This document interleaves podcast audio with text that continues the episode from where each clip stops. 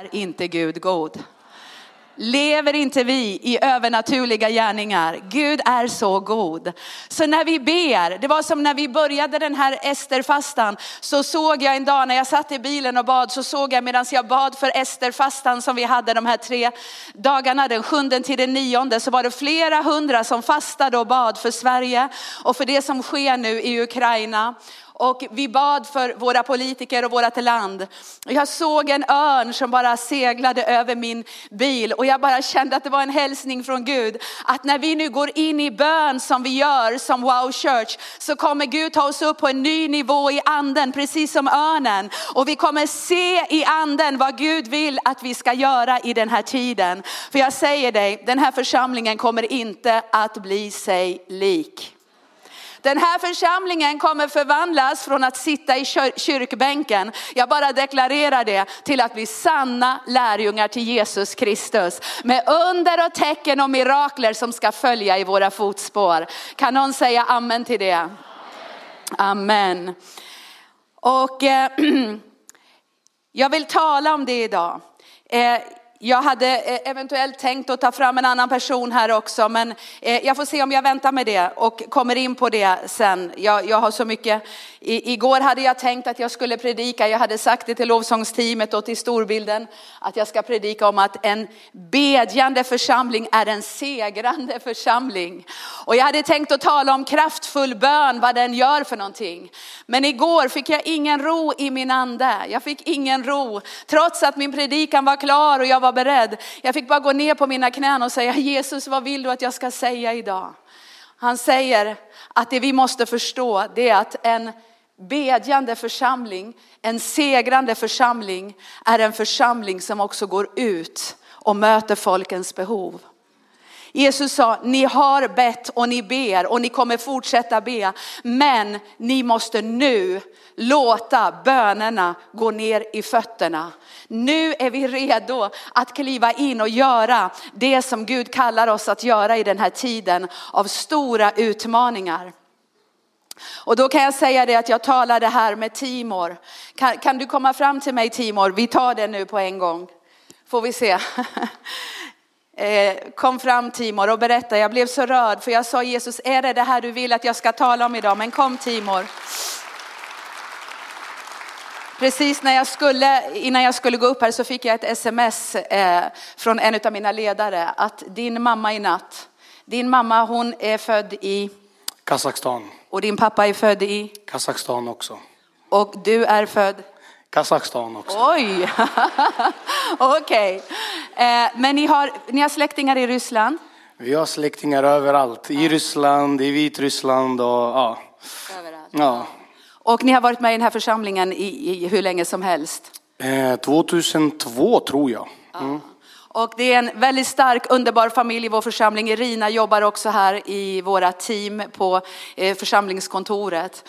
Och jag pratade med Irina häromdagen om, jag sa så här, vad kan vi göra som församling Irina? Och eh, jag fick höra att i natt så hände någonting hemma hos henne. Ja, vi, ehm, vi har en familj som kom eh, klockan två, tre på natten tror jag. Eh, från Ukraina då. De tog båten över från Polen. Ehm, och det är en familj, ehm, en kvinna med en tioårig eh, dotter och hennes föräldrar. Eh, jag vet inte om mannen är kvar där eller inte. Jag har faktiskt inte så mycket information om detta men eh, jag vet att pappa är på väg från stugan, våran sommarstuga med sängar och allt sånt för att de ska kunna stanna över och ja. Vet du hur länge de ska stanna hos er? Ingen aning faktiskt, det får väl bli som det blir. Mm. Ja. Jag hörde att det var egentligen tänkt att din mamma skulle ta emot två familjer, stämmer det? Ja, på vägen så tog de eh, den familjen då som kommer nu, då tog de med sig två personer till och så sa men kan vi inte få med dem också till Eh, till Stockholm. Eh, och de, eh, jag tror de hittade en annan bostad på vägen dock. Så de kommer inte. Men det är fyra personer som, som kommer så får vi väl se. Och din mamma och pappa bor inte i ett jättestort hus. De har en ganska, de har en lägenhet. En, en lägenhet på fyra, nej, det, det, det är helt okej, fem, rum- fem rum. Så det är därför jag tror att de kan ta, ta emot någon. Så det blir ett rum för, eh, för hela familjen där. Så det är en familj så det blir bra. Mm. Jag tänkte, du berättade för mig alldeles nyss att tydligen på Invandrarverket, jag vet inte om den uppgiften stämmer, men du sa att man kan inte ta emot fler flyktingar i Sverige, stämmer det? Stockholm? ja, precis. I Stockholm. Det går inte att ta emot. De, igår så skickade de familjen till Malmö och sa det går inte att åka till Stockholm. Det är för mycket folk där. Det är bara eh, Göteborg, eh, Malmö just nu som tar emot, verkar det som. Eh, och eh, jag hörde från eh, någon, jag kommer inte ihåg vem jag pratade med, men det var tre dagars kö på Migrationsverket just nu för att ta emot folk. Mm. Jag, jag vill bara säga, skicka din mamma, hon kunde inte vara här idag, eh, så skicka henne en stor kram från oss och om eh, Irina är med oss, tack Irina för det föredöme du är för hela församlingen. Du går i Jesu fotspår och vi ska följa efter dig och Jesus. Tack så mycket Timor.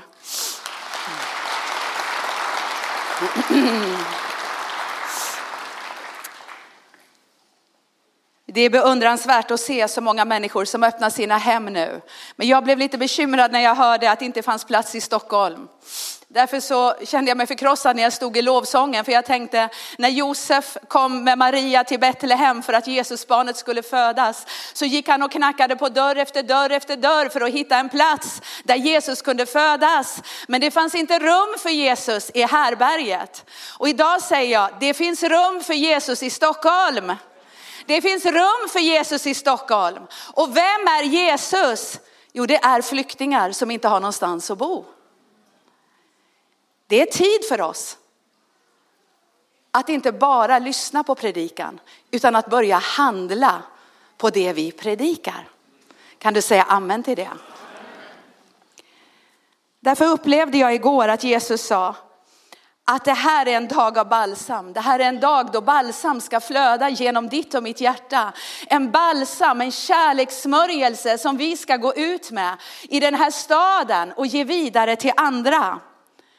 Gud har satt oss, som jag sa, här som församling i huvuds, huvudstaden i Sverige för att vi ska vara hans händer och hans fötter till människor i nöd. Men utan att be så kommer inte vi klara det som krävs. Det var därför jag tror, för vi går så tajt tillsammans som församling. Vi är så ett, we are one family. Vi, Gud har behövt lyfta upp oss, upp ifrån våra egna problem på en ny nivå i anden så vi kan bli som örnen. Vi kan börja segla över våra omständigheter, över våra personliga problem, över alla saker som vi går igenom och se att våra problem kanske egentligen är ganska små i förhållande till vad andra människor går igenom just nu. Om inte vi hjälper människor, varför skulle människor hjälpa oss när vi är i nöd? Om inte vi tänker på mer än oss själva än vår egen familj, varför skulle andra tänka på oss om vi har det svårt? Bibeln säger att det är en lag som aldrig kommer att upphöra, att det vi sår, det är också det vi ska få skörda. Jag tror att du och jag, när vi är en bedjande församling, då kommer vi att vara en segrande församling oavsett vilka skakningar och stormar som nu går över världen. Det är obarmhärtigt för ens själ när man älskar människor är det obarmhärtigt nästan att se på tv. Man orkar nästan inte. Men man orkar inte göra någonting annat heller. Man blir förlamad för man ser att människor lider. Men vet du vad, när vi ber, när vi nu går in i vår kammare och ber mer än någonsin, prisa Gud mer än någonsin, kommer Gud att lyfta oss så att vi kan vara över och inte under, så att vi kan vara hans händer och hans fötter i den här tiden. Vi kommer att säga som det står i andra Korinthierbrevet 5, 14 och 15. Kristi kärlek driver oss. För vi är övertygade om att en har dött för alla. Och därför har vi alla dött. Vi har alla dött med Jesus. Och han dog för alla för att de som lever inte längre ska leva för sig själva utan för honom som har dött och uppstått för dem. Jag bara ber att, att det här ordet ska gå in i våra hjärtan idag. Att det här ordet ska resa oss upp, precis som ordet om bön reste upp församlingen för några veckor sedan till en helt ny nivå av bön. Så bara deklarerar jag att idag ska det här ordet resa oss som församling, inte bara till att be. Vi måste be, vi är beroende av att be. Men bönen måste också visa sig i våra fötter i praktisk handling. Därför ska vi läsa idag ett ord som du aldrig har hört förut. Ordet fick jag i början av december. Jag själv var på sjukhuset för en behandling och det här ordet har varit heligt för mig sedan den stunden. Jag, fick, eh, eh, jag var tvungen att genomgå en behandling som var ganska jobbig och jag själv var som sårad i min kropp och jag var trött i min kropp. Och när jag kommer in till sjukhuset och ska göra en speciell undersökning där man ska ligga en datortomografi och man ska ligga i ett rör och man ska bli röntgad under 40 minuter och man ska ligga i det här lilla utrymmet så var jag lite skör. Jag var lite svag i min kropp. Men när jag kommer dit så är det en sköterska som tar emot mig. Hon har en slöja. Jag ser att hon är muslim. Jag ser att hon kommer kanske från Somalia eller något sånt land. Hon tar emot mig. Hennes händer är så mjuka, hennes ansikte är så vackert. Hon tar emot mig, hon hjälper mig, hon hjälper mig genom hela den här undersökningen. Och hon säger att när jag ligger där inne i det här röret och ska röntga så lång tid och det är varmt och obekvämt så säger hon, säg bara till mig om du behöver hjälp. Säg bara till mig, hon klappar min hand. Hon säger bara ropa om det är någonting. Hon hjälper mig, hon tar hand om mina kläder, hon tar hand om mina saker. Hon ger mig så mycket kärlek så när jag ska skiljas från henne så gråter jag. Och jag sa Jesus, varför får jag gå igenom det här? Vad vill du lära mig? Vad är det du vill lära mig? Vad är det för en lektion jag får just nu? Och när jag kom hem så sa jag, varför? Jesus, det var som en helig stund när jag låg där. Det var som att du var där och din närvaro var där. Och jag fick krama henne, jag fick pussa henne på kinderna och tacka henne för all hennes hjälp. Jag var som sårad, men hon kom som den barmhärtige samariten. Och Jesus sa till mig, jag vill öppna dina ögon så att samma kärlek som jag har ska flöda genom dig till människor som är i nöd. Oavsett vilka de är, oavsett var de kommer ifrån. Kärleken måste fördjupas i ditt liv Carolina. Och det är när vi själva blir sårade, det är när vi själva blir beroende av andra människor för att överleva. Det är först då vi förstår hur mycket kärlek och omsorg betyder. Därför var det mitt rema-ord, det ordet som Gud gav mig för 2022 så var det psalm 91 och så var det Lukas 10 om den barmhärtige samariten. Då visste inte jag att kriget i Ukraina skulle bryta ut. Då visste inte jag vad som skulle komma. Men Gud sa, Carolina det här året ska du deklarera psalm 91. Att du är under den högstes beskydd och du vilar under den allsmäktiges skugga. Och medan du gör det ska du böja dig ner och tvätta de sårades hjärtan. Det här kan bara ske när vi ber. Då kan vi komma upp på en nivå i anden där vi är över våra omständigheter, över våra problem. Och vi kan böja oss ner och betjäna människor som gråter, sörjer och inte finner tröst någonstans. Den tiden är inne för oss nu i vår församling. Den tiden är inne för både dig och mig. Så låt oss läsa som om vi aldrig hade läst det förut. Jag vet att min dotter Sofia predikade så fantastiskt det här för ett par veckor sedan. Men det är ju så att, att saker som är viktiga behöver sägas flera gånger. Och det här ordet har varit heligt för mig jag har inte vågat predika det, har inte velat predika det förrän Jesus sa nu ska du predika det. Och igår kväll sa han nu Carolina ska du predika det, för nu har ni bett. Nu har ni fastat, nu har ni kommit upp på en ny nivå i anden. Nu så kan människor ta emot en smörjelse att hjälpa andra. Lukas 10, 25-37.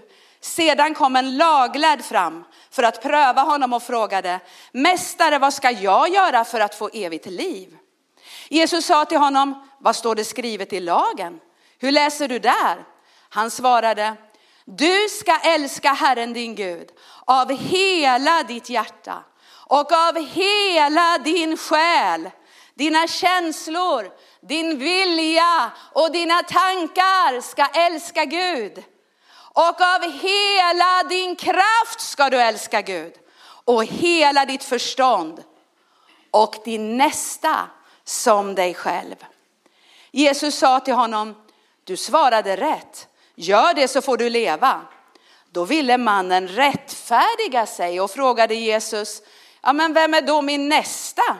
Jesus svarade, en man var på väg från Jerusalem ner till Jeriko och råkade ut för rövare.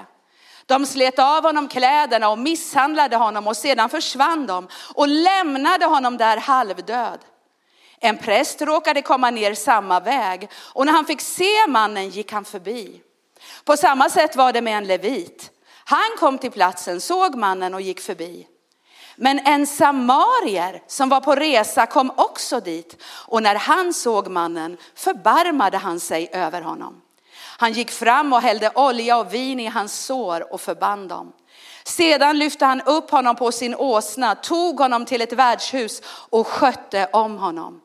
Nästa dag tog han fram två denarer och gav till värdshusvärden och sa, sköt om honom och kostade mer ska jag betala när jag kommer tillbaka. Vem av dessa tre tycker du var en nästa för mannen som råkade ut för rövare? Han svarade, den som visade barmhärtighet mot honom. Då sa Jesus till honom, gå du och gör som han. Amen. Du känner till berättelsen. Jag har hört den hela livet. Jag hörde den i söndagsskolan när jag var liten. Vi ser en laglärd som kommer fram och ställer en fråga till Jesus, men inte med ett ärligt hjärta. Han vill nita Jesus. Han vill sätta honom på prov. Han är intellektuell, han är välutbildad och han vill sätta dit Jesus. Så han säger, han, han, han ställer den här frågan, vad ska han göra för att få evigt liv? Men Jesus svarar den här mannen med kärlek. Han svarar ändå med att ställa en fråga tillbaka. Han frågar honom, vad står det i Mose lag? Vad står det i Moseböckerna? Den laglärde kunde ju naturligtvis lagen, så han sa vad som stod där. Ja, men jag ska älska Gud av hela mitt hjärta, av hela min själ, av all din kraft, av hela mitt förstånd. Till detta ska du älska din nästa, din medmänniska som dig själv. Då svarade Jesus kort och enkelt till den här mannen att om han ville ha evigt liv, ja men gör det som står i Guds ord då. Gör det som lagen säger. Vill du ha evigt liv så gör det som ordet säger. Och det är vad Gud säger till oss också. Även om vi vet att vi blir inte frälsta av laggärningar. Vi blir inte rädda, räddade för evigheten för att vi gör goda gärningar. Vi blir, vi blir räddade och frälsta av nåd genom vår tro på Jesus. Men när vi har tagit emot denna frälsning så förväntar sig Jesus att vi i vår tacksamhet och överlåtelse till honom reser oss upp och älskar vår nästa som oss själva. Det var då Jesus berättade den här historien som vi har hört så många gånger. Men vad är det vi ser i den här historien om mannen som, som eh, blir eh, utslagen på den här vägen? Ja, det första jag vill att eh, visa dig, som jag tror Jesus vill säga till oss den här dagen, det är att du och jag behöver se människor på livets väg. Vi går alla på livets väg. Vi vaknar på morgonen, vi, vi, går upp, klär på oss, tar kaffet, borstar tänderna, vi går ut till jobbet. Vi går på livets väg, vi arbetar, vi har dagliga sysslor, vi har familjer, vi har förpliktelser, vi har relationer, vi har saker som måste utföras. Vi kan inte liksom bara lämna allt och gå ut och predika på gator och torg. Men när vi går ut i vår vardag så måste vi se människor på livets väg. Den här mannen som var en jude i den här berättelsen, han skulle göra en resa från Jerusalem ner till Jeriko. Det är en stad tre mil nordost om Jerusalem. Och den här vägen som den här mannen skulle gå på gick både genom öken och berg. Och därför var det tillhåll för olika maffiagrupper. Det var olika rövargrupper som höll till där för att se om de kunde eh, eh, slå ner någon och stjäla från människor som vandrade den här sträckan. Det var det här som hände den här mannen i berättelsen. Han blev ju rånad på allt och han blev avsliten sina kläder. Och de lämnade honom där halvdöd vid vägkanten. Och medan han ligger där och håller på att gå under Han håller på att dör, så kommer en präst och går förbi.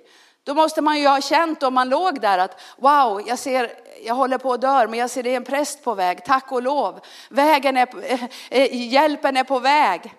Men den här prästen, han skyndar sig vidare. Efter det kom en levit.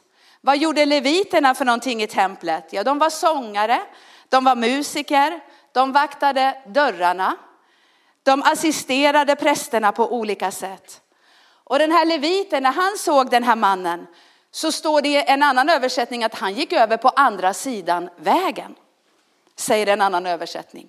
Med andra ord så valde den här leviten, prästen han skyndade förbi, men leviten han valde, jag orkar inte se det här. Nej, alltså det här finns inte, jag orkar inte se den här mannen. Så kan vi ibland reagera. Och det är liksom en försvarsmekanism när vi ser att människor lider, att vi kanske inte orkar ta in att det är så svårt för en del människor på livets väg. Men vi kan se att båda de här männen hade bråttom. Och teologerna de tyder det här att, att de var på väg hem efter en arbetsvecka eller en tjänstgöringstid som de hade haft i templet. De ville kanske komma hem och vila, precis som du och jag vill när det är fredag kväll. Hur många gillar fredagkvällar? Åh, vad skönt, veckan är slut. Vilket chips ska vi ha? vad ska vi äta ikväll? Huset är städat. Mitt hus, det måste vara städat i fredagen. Det städas på torsdagen. Fredagen ska vi vila. Fast att vi ändå måste förbereda oss och greja. Men jag kan inte förbereda mig om jag ser damm i hörnen. Så det måste vara, det måste vara städat i huset. Vi måste köpa de goda vindruvorna. Jag går och känner på vindruvorna att de är riktigt hårda. De tar jag. Det, det, är liksom fredag kväll. De här männen är på väg hem efter sin tjänstgöring. Och precis då, vid fel tillfälle, så kommer ett akut behov. En man ligger vid vägen. Och det står att de hade bråttom därifrån. Precis som du och jag kan känna. Att hoppas ingen ringer nu. Hoppas ingen stör mig nu. Nu måste jag få vila. Nu måste jag få andas ut. Men det kommer som tur är en tredje person på vägen en samarit. Han kommer och går och han ser den här mannen som ligger där. Det står att samariten som kommer, han såg mannen. Samariterna var ett folkslag som inte var accepterade av judarna. De hade inte ett gott öga till samariterna av flera olika anledningar som vi inte hinner gå in på här. Men den här mannen, han var alltså inte ens jude själv. Han var inte ens liksom hopkopplad med det här folket. Mannen som låg skadad på vägen föraktade egentligen honom, hans familj och hans folk. Men samariten, vad var det han gjorde? Han såg mannen. Och det är det jag tror att vi behöver göra älskade församling i den här tiden. Och jag predikar även till mig själv. Först och främst predikar jag till mig själv att nu är det en tid då vi inte kan skynda förbi för att det är fredag. Det är en tid då vi inte kan skynda förbi för vi har minsann viktiga saker i vårat schema. Det är inte en tid då vi kan liksom göra allt som vi kanske har planerat och tänkt. Utan det är en tid att stanna och se. Vi behöver se människorna. De, han såg mannen. Han såg honom med sitt hjärta och han kände medömkan. Man kan se och man kan se. Man kan se sina barn och man kan se sina barn. Vad menar jag? Man kan se, ja, ja nu kom min son hem från skolan här, han slängde väskan där. Och, men man kan också se, var han inte lite ledsen? Hur såg hans ansikte ut? Har han haft en bra dag? Har det hänt någonting? Varför sitter min dotter inne på rummet hela tiden? Varför vill hon inte kommunicera? Man kan se sitt barn och man kan se. Man kan se behoven och man kan se med sitt hjärta. Och det är när vi ser med vårt hjärta som vi också får kraften att resa oss upp och göra skillnad. Det står om vår älskade Jesus i Matteus 9, 36-38. När han såg folkskarorna förbarmade han sig över dem. När han såg dem, lärjungarna såg dem också. Lärjungarna blev ibland irriterade, det var ju så mycket folk och alla var hungriga och alla drog i Jesus. Men Jesus såg vad som fanns bakom deras beteenden. Han såg vad som fanns bakom deras ansikten. Jesus såg folkskarorna och han förbarmade sig över dem. För de var härjade och hjälplösa som får utan herde. Och han sa till sina lärjungar, skörden är stor men arbetarna är få. Be därför skördens herre att han skickar ut arbetare till sin skörd. Amen. Låt oss säga Jesus, ge mig dina ögon. Ge mig ditt hjärta till att se människor på livets väg. Det andra jag ser här, det är att du och jag behöver låta våra liv bli en kanal för Guds barmhärtighet. Samariten, han hade naturligtvis ett mål för sin resa. Han kanske också hade en tid att passa. Ibland kan det vara så, man ser någon som har problem, ja men min buss går ju nu om två minuter. Då kommer jag ju hem en halvtimme senare. Jag tror liksom att om vi vill börja leva och vandra i det övernaturliga, om vi vill att vi ska vara barmhärtiga samariter så måste vi lyssna på den helige ande och göra det han ber oss om att göra. Även om det rubbar våra egna planer som jag sa. Att vara en kanal för Guds barmhärtighet till människor som är i nöd är något mer än att bara känna med någon som lider. Eller gråta när man ser något som är svårt. Det är lätt att gråta när man ser någonting svårt. Lennart och jag, vi bara låg och vilade och vi satte på tvn härom, häromdagen och, och vi, vi var liksom så uppfyllda av allting som vi står i i församlingen och, och det vi ber för. Och jag, och jag sa så här, tänk om det fanns någonting vi kunde se på tv och vi bara tittar på kanalerna, det finns ingenting att se. Jo, sa Lennart, vi kan se på Hachiko.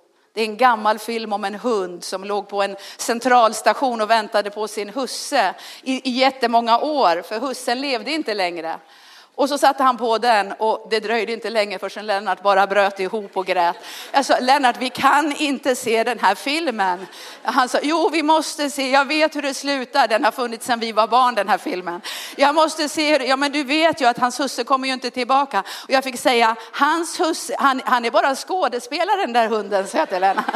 Alltså hans mamma heter Greta och Pelle och de bor i Skogås. Han sa, men varför kommer de inte och hämtar honom då, sa Lennart. Alltså det är lätt att känna medömkan. Man kan känna medömkan med en hund som längtar efter sin husse. Vet du, man kan känna medömkan med allt. Men medömkan måste förlösa barmhärtighet i handling. Kan du säga amen till det? Så barmhärtighet kräver att vi är villiga att göra en ansträngning för att tjäna som Jesus. Så som Guds församling i den här tiden behöver våra ord och tårar få fötter. Jag blir rörd när jag ser så många församlingar som har åkt ut, hjälpt till i Ukraina, hjälpt till vid gränsen. Också svenskar som nu börjar öppna sina hem.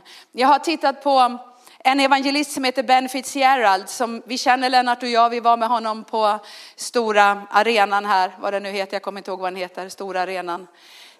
Friends Arena. Vi hade en stor, eh, en stor awakening-konferens där. Men han har tagit med sig över hundra ungdomar. De har bara åkt ut till gränsen vid Ukraina och de ber med människor till frälsning. Och de kramar människor, de gråter med människor, de tröstar människor. Och alla kan inte åka dit och alla ska inte åka dit. Men vet du vad? Du och jag har människor som ligger sårade på vägen här i Stockholm. Vi har människor som kommer till Sverige nu som är sårade på vägen. Och jag såg häromdagen hur Ben Fitzgerald gick in på buss efter buss och bara eh, med, med, flyktingar som skulle komma eh, ut ur landet och han bara ropade till dem om Jesus, om korset, att Jesus ville frälsa dem och de fick räcka upp handen. Han hade väckelsemöte på fem olika bussar innan de åkte och passagerarna tog emot Jesus. Är inte det underbart? Vet du vad de här människorna är? En del kritiserar dem och säger, lägg inte ut det här på nätet och varför skryter ni om vad ni gör? Vet du vad, jag, säger, jag blir upplivad i min ande. Jag känner förkrosselse. Jag känner de är barmhärtiga samariter som vi alla borde följa. Med livet som insats så åker de och bor på obekväma ställen för att hjälpa människor i nöd. Skulle då inte vi i ett av världens rikaste länder kunna öppna våra hjärtan, våra hem och hjälpa människor som kommer till vårt land, som har nöd och andra som vi möter på livets väg. I onsdags på Wow Senior hade vi besök av en drottning, Elise Lindqvist, 86 år, som har blivit frälst och upprättad efter ett liv i våld och missbruk. Varenda fredag kväll går denna drottning på Malmskillnadsgatan och hjälper prostituerade. en barmhärtig samarit. En, det är värt en applåd.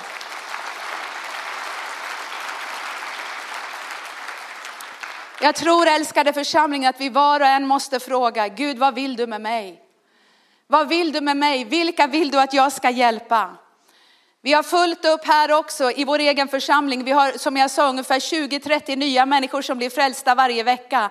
Om inte vi hade wow-ledare som hjälpte oss att ta hand om de här nya vännerna som kommer så skulle inte de kunna få undervisning så att de kan växa vidare och bli starka i sin tro på Jesus. Jag är så glad att vi har de här wow-ledarna. Kan vi inte ge alla våra wow-ledare en applåd?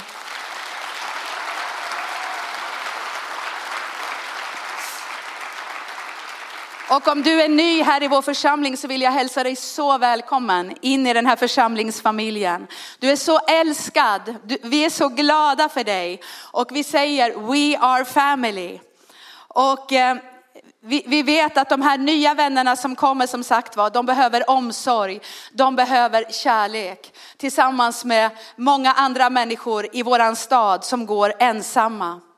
Vi ser i den här berättelsen att prästen och leviten kunde lagen. De visste vad lagen sa. De kunde sin predikan. De hade gått sin bibelskola. Men de stannade inte. Barmhärtigheten, den flödade inte genom deras fötter, genom deras händer, genom deras böner, genom deras tårar, genom deras hjärtan. Vet ni vad ett sånt liv är? Religion. Religion.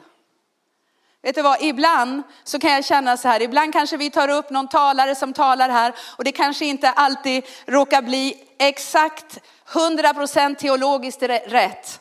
Det kan vara någon liten sak som vi kanske säger fel, men det är viktigt att vi är teologiskt korrekta i Guds ord. Men det är också lika viktigt att våra hjärtan brinner för den här staden och för det här landet. Vi kanske inte kan allt i hela Bibeln, men efter den kunskap vi har så handlar vi, eller hur? Vi gör det vi förstår att vi ska göra och vi fortsätter att söka Gud för att vi ska bli mer och mer skickliggjorda och mer och mer så ska vi förstå vem Gud är genom hans ord. Därför säger jag, om inte du har gått bibelskola, du kan vara en barmhärtig samarit i alla fall. Gå ut och ge det du kan. Gå ut och dela det du vet med de som blöder på gatan. Vad vi måste göra utifrån den här berättelsen det är att vi också måste ta fram vår, vår väska med vin och olja. Den här samariten han böjde sig ner. Och vi ser att Gud har välsignat dig och mig på så många sätt. Vi är så välsignade. Vi är så välsignade när människor kliver på de här bussarna med sina barn och de skiljs från sina familjer. Då har man problem, eller hur? Vi sitter här jag börjar känna nu så fort jag har vatten i min kran, jag säger tack Jesus att jag kan duscha idag. Tack Jesus att jag har vatten i min kran idag. Tack att jag kan spola vatten och få iskallt vatten och ställa vid sängen på kvällen. Tack Jesus att jag har ett hus att bo i. Tack Jesus att jag har tak över huvudet. Tack Jesus att bussen kommer när jag förväntar mig att den ska komma. Tack att jag har trevliga grannar omkring mig. Tack att jag kan gå på stan och ta en cappuccino som vi gjorde igår efter vår bönevandring. Vi var så glada där vi var på stan vi hade bett. Vi kände, vi lever i ett land av frihet. Amen.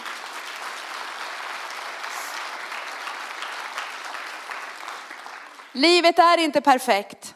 Vår barndom kanske har varit svår. Vi kanske har förlorat någon som vi älskar. Vår ekonomi kanske kunde vara bättre. Vi kanske har gråtit och ibland känner vi sorg och ensamhet och tycker andra är dumma. Men vet du vad? Gud är så god. Vi har så mycket att vara tacksamma för. Gud har räddat dig. Han har frälst dig. Han har förlåtit dig alla dina synder. Alla dina synder är förlåtna. När Gud ser på dig är du vit som snö. När Gud ser på dig så ser han Jesus i dig. Det gamla är borta, någonting nytt har kommit, du är en ny skapelse i Jesus.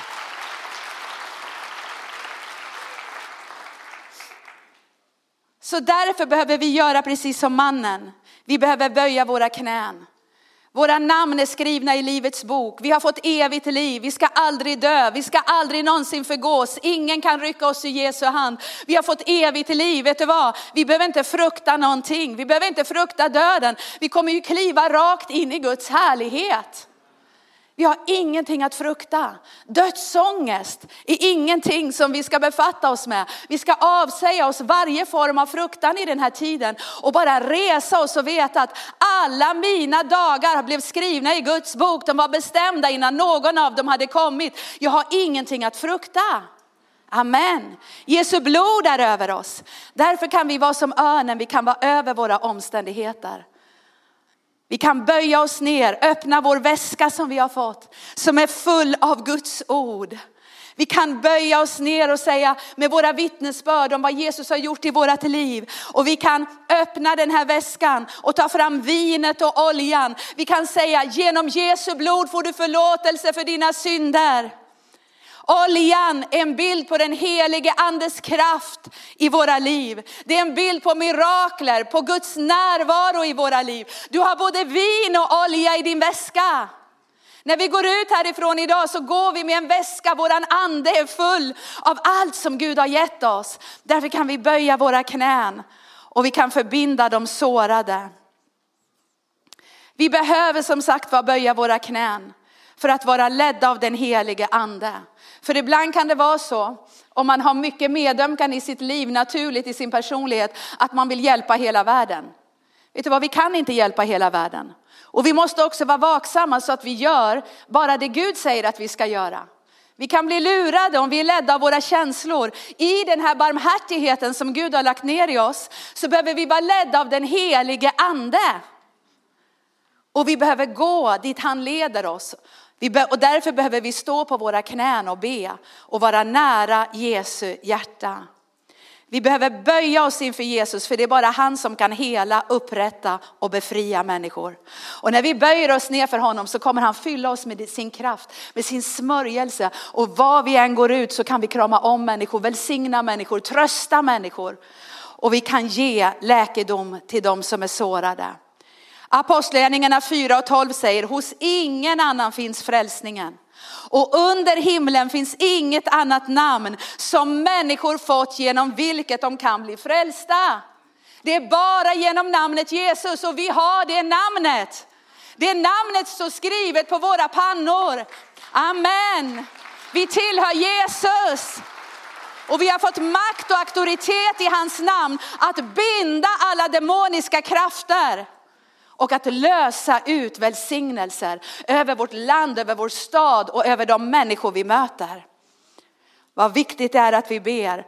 Precis som vår lovsångsledare Linda sa här, till hans namn ska folken sätta sitt hopp.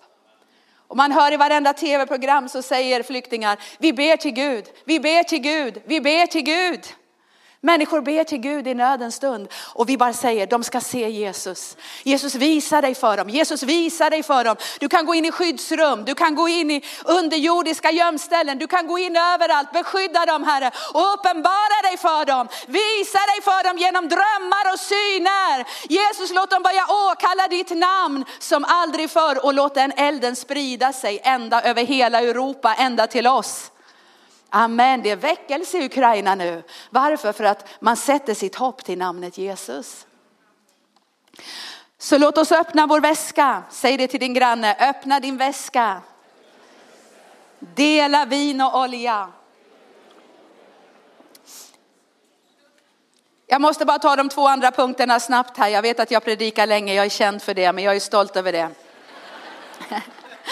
Lyft upp den sårade.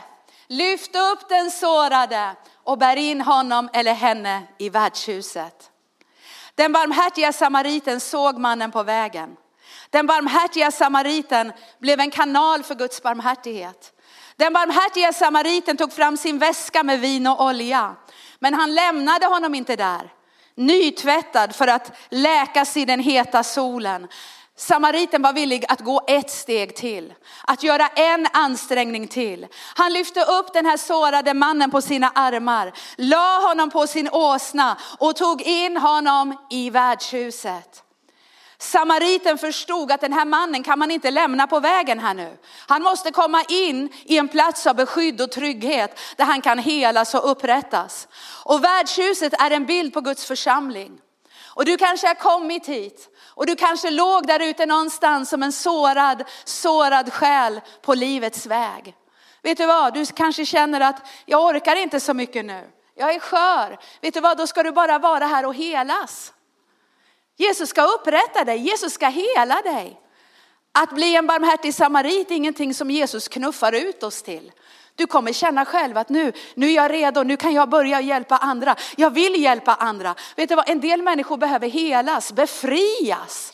De är plågade av plågoandar. De är plågade och behöver gå på life class och encounter. De behöver gå på destiny training. Men, men jag säger så fort du får styrkan tillbaka så ska du börja vandra i Jesu fotspår och göra hans gärningar. Samariten förstod vikten av återhämtning för den sårade mannen. Han förstod att den här mannen behöver ju en säng och han behöver vila och han behöver sömn och vatten och mat för att bli helt frisk. Och därför tog han honom till den här trygga platsen. Vi ska se till att den här församlingen, Wow Church, ska vara en oas av kärlek. Varenda person som kommer hit, varenda person vi möter där ute ska vi ta in och vi ska älska dem, vi ska krama dem. Hur de än ser ut, vad de än heter, vad de än tycker, vad de än har för uppfattning, så ska vi älska dem. Vi ska öppna vår väska med vin och olja och låta Jesus få hela alla deras sår. Vi ska ge dem en skön säng, bildligt talat, att sova i med rena lakan. Om dina synder är blodröda så kan de bli snövita som charlakan eller som vita lakan, Karolinas översättning. De behöver bara få vila, de behöver återhämta sig, de behöver få mat, de behöver få vatten, de behöver få kärlek från dig och mig. Då ska vi inte bli stötta om människor inte uppträder precis som vi förväntar oss eller varför sa han så eller varför gjorde hon så. Låt oss älska varandra. Låt värdshuset vara en plats av förlåtelse, av barmhärtighet, av omsorg och kärlek. Så att varenda person som möter församlingen säger, åh jag känner mig trygg på den här platsen, jag känner mig älskad på den här platsen. Det här är en plats av helande, det här är en plats av upprättelse. Nu måste du göra någonting. Du måste titta på din granne och ge det finaste leende du kan. Bra! Titta på dem bakom dig och le också.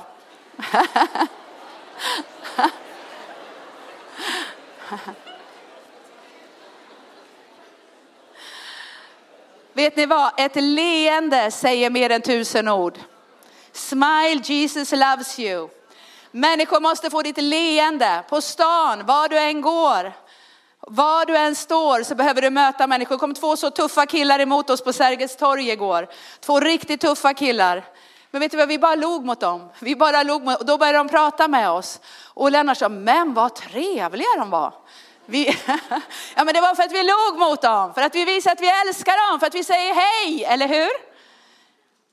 Tjuven kommer bara för att stjäla, slakta och döda. Men jag har kommit för att de ska ha liv, liv i överflöd. Och vem är herre över församlingen? Det är Jesus. Han är värdshusets herre och frälsare.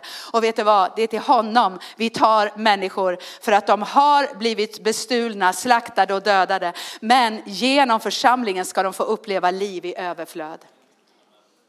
Den, den sista punkten så är så stark för här ser vi vad gör den sista, goda samariten till slut. Han gör någonting som man kanske säger så här, ja, allt det andra var bra pastor Carolina, det kan jag hålla med om, det är bra. Men det här vet jag inte om jag ställer upp på. Vad var det sista han gjorde när han hade lämnat honom på värdshuset?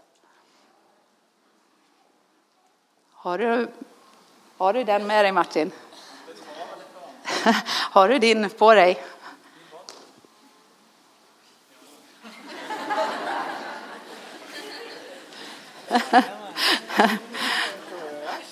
Jag tar Martins plånbok. Ska se vad han har här, vilka, vilka kort. Det är Kristina som håller hushållskassan så att du, du har bara veckopeng Martin.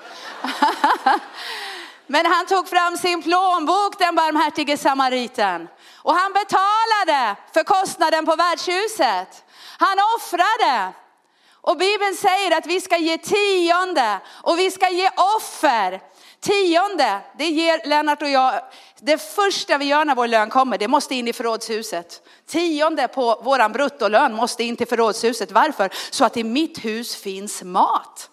Mat till de sargade, de sårade. Vi har, vi har arbetat med att starta församlingar nu under de senaste fem åren. Vi har också pastor Bertil Svärd som är här idag som precis har kommit hem från Afrika. Där han har varit och undervisat pastorer som går ut över hela eh, de regionerna där Bertil har varit. Vi skickar honom dit hela tiden. Och eh, det sker så mycket i församlingen ständigt. Och vi har använt våra ekonomiska medel till att bygga upp en stark församling, en stark bas. Men vet du vad? Vi behöver våra tionde för församlingen för att den här fastigheten ska, ska, ska vara i verksamhet och för att tjänster ska fungera och för att församlingen ska kunna vara en bas i nationen och på de andra platserna där vi har planterat. Men nu är det tid att vi också börjar ge offer av barmhärtighet till de som ingenting har. Vi måste bli Jesu händer och Jesu fötter. Som församling måste vi öppna vår väska med vin och olja och hjälpa fler människor än vad vi någonsin har gjort. Är det någon som vågar säga amen? amen. Det är så starkt att han gör det. Han säger, kostar det mer, säger den här samariten till värdshusvärden. Kostar det mer så ska jag betala när jag kommer tillbaka. Han tar ansvar hela vägen för den här mannens återupprättelse och helande.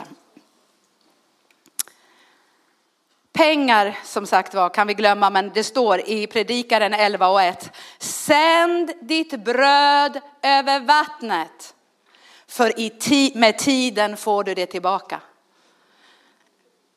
Vi behöver tänka när det är nöd. Var ska jag sända mitt offer? Vilka ska jag hjälpa? Och vi ska tala om det nu avslutningsvis. För jag, jag, tror att det är en ny tid för dig och mig idag. Som jag sa, är inte det här bara ytterligare en predikan om den barmhärtige samariten. Jag tror att det är en ny tid för vår församling av att visa barmhärtighet i den tid som vi står i just nu. Och därför vill vi söka Gud och vi vill fråga honom. Vi har redan nu, sedan kriget bröt ut i Ukraina, så har vi redan nu investerat pengar i två olika stora hjälpprojekt. Därför att det, det, finns så många som behöver hjälp och så många som behöver pengar just nu. Men vi ville kanalisera de offer som kommer in till Wow Church till de här två stora eh, organisationerna. Och den ena organisationen som vi har hjälpt det är eh, Samaritan Purse, heter den det nu? Billy Graham, Franklin Grahams organisation. Där har vi gett ett stort offer. De är vana att åka till krigsdrabbade länder och katastrofsituationer. De åker med flygplan in med traumateam och med läkare för att hjälpa människor i nöd. Och vi kände det är inte så många som kanske kan komma in på olika svåra platser. De har sen, den senaste veckan tror jag de har distribuerat, distribuerat material också till sjukhus för att hjälpa sårade. Vi har gett ett offer dit. Men sen har vi också också gett ett större offer till, till Jewish Agency som jobbar med Förenade Israel-insamlingen här i Sverige. Och eh, Ulf Kahn är en president för den organisationen. Och varför har vi hjälpt judar i Ukraina? Kanske någon undrar. Jo, därför att i Ukraina idag finns det 200 000 judar som har det väldigt svårt, inte bara på grund av att det är krig i Ukraina, utan också för att de har en judisk bakgrund. Och många av deras förfäder har suttit i koncentrationsläger. Så det finns en väldig fruktan. Därför så vädjar man om hjälp för att få hem så många judar som möjligt till Israel. Och Israel står redo att ta emot de här judarna. Så du ska veta att vi som församling, vi vill vara en kanal, vi vill vara barmhärtiga samariter. Inte bara, inte bara personligen utan också som församling i stort. Men det ena utesluter inte det andra. Utan även om vi som församling ger till de här olika projekten för att hjälpa människor på flykt att komma hem. Så tror jag älskade församling att nu är tiden inne då vi också måste göra oss tillgängliga för vad Gud ber oss om att göra. Det var därför jag tog fram Timor här idag och sa att hans mamma som en barmhärtig samarit gick ut på Facebook och såg att en familj inte hade någonstans att bo och hon omedelbart öppnade sitt hem och var villig att ta emot två familjer. Hennes man åkte hela vägen till Hudiksvall nu igår eller förrgår för att hämta madrasser på sommarstället i Hudiksvall för att kunna hjälpa människor i nöd. Vet du vad det är? Det är att se människors behov. Det är att böja sina knän och be till Gud och fråga Gud, vad ska jag göra? Det är att öppna sin väska med vin och olja och hälla vinet och oljan i de sårade sår. Det är verkligen att ta in dem i värdshuset och betala för de behov som de har. Och jag vill bara säga till dig idag att jag upplevde det här så starkt igår. Jag hade tänkt att predika en helt annan predikan, men Jesus sa Carolina, ni måste också nu genom Wow Church göra saker för att hjälpa människor som kommer till Sverige. Vi måste visa barmhärtighet. Och vi kommer under den här veckan se hur vi kan hjälpa människor på bästa sätt. Men jag vill dela det här ordet med dig idag för att du själv ska kunna börja be över det här. För att du själv ska kunna säga, jag och Lennart säger, allt vi äger och har tillhör dig Jesus. Vad vill du med oss? Vad vill du med vårt hem? Vad vill du med våra saker? Vi måste hjälpa, vi måste sända vårt bröd över vattnet. Vi måste göra det Jesus ber oss om. Om vi bara reser oss upp tillsammans en liten stund.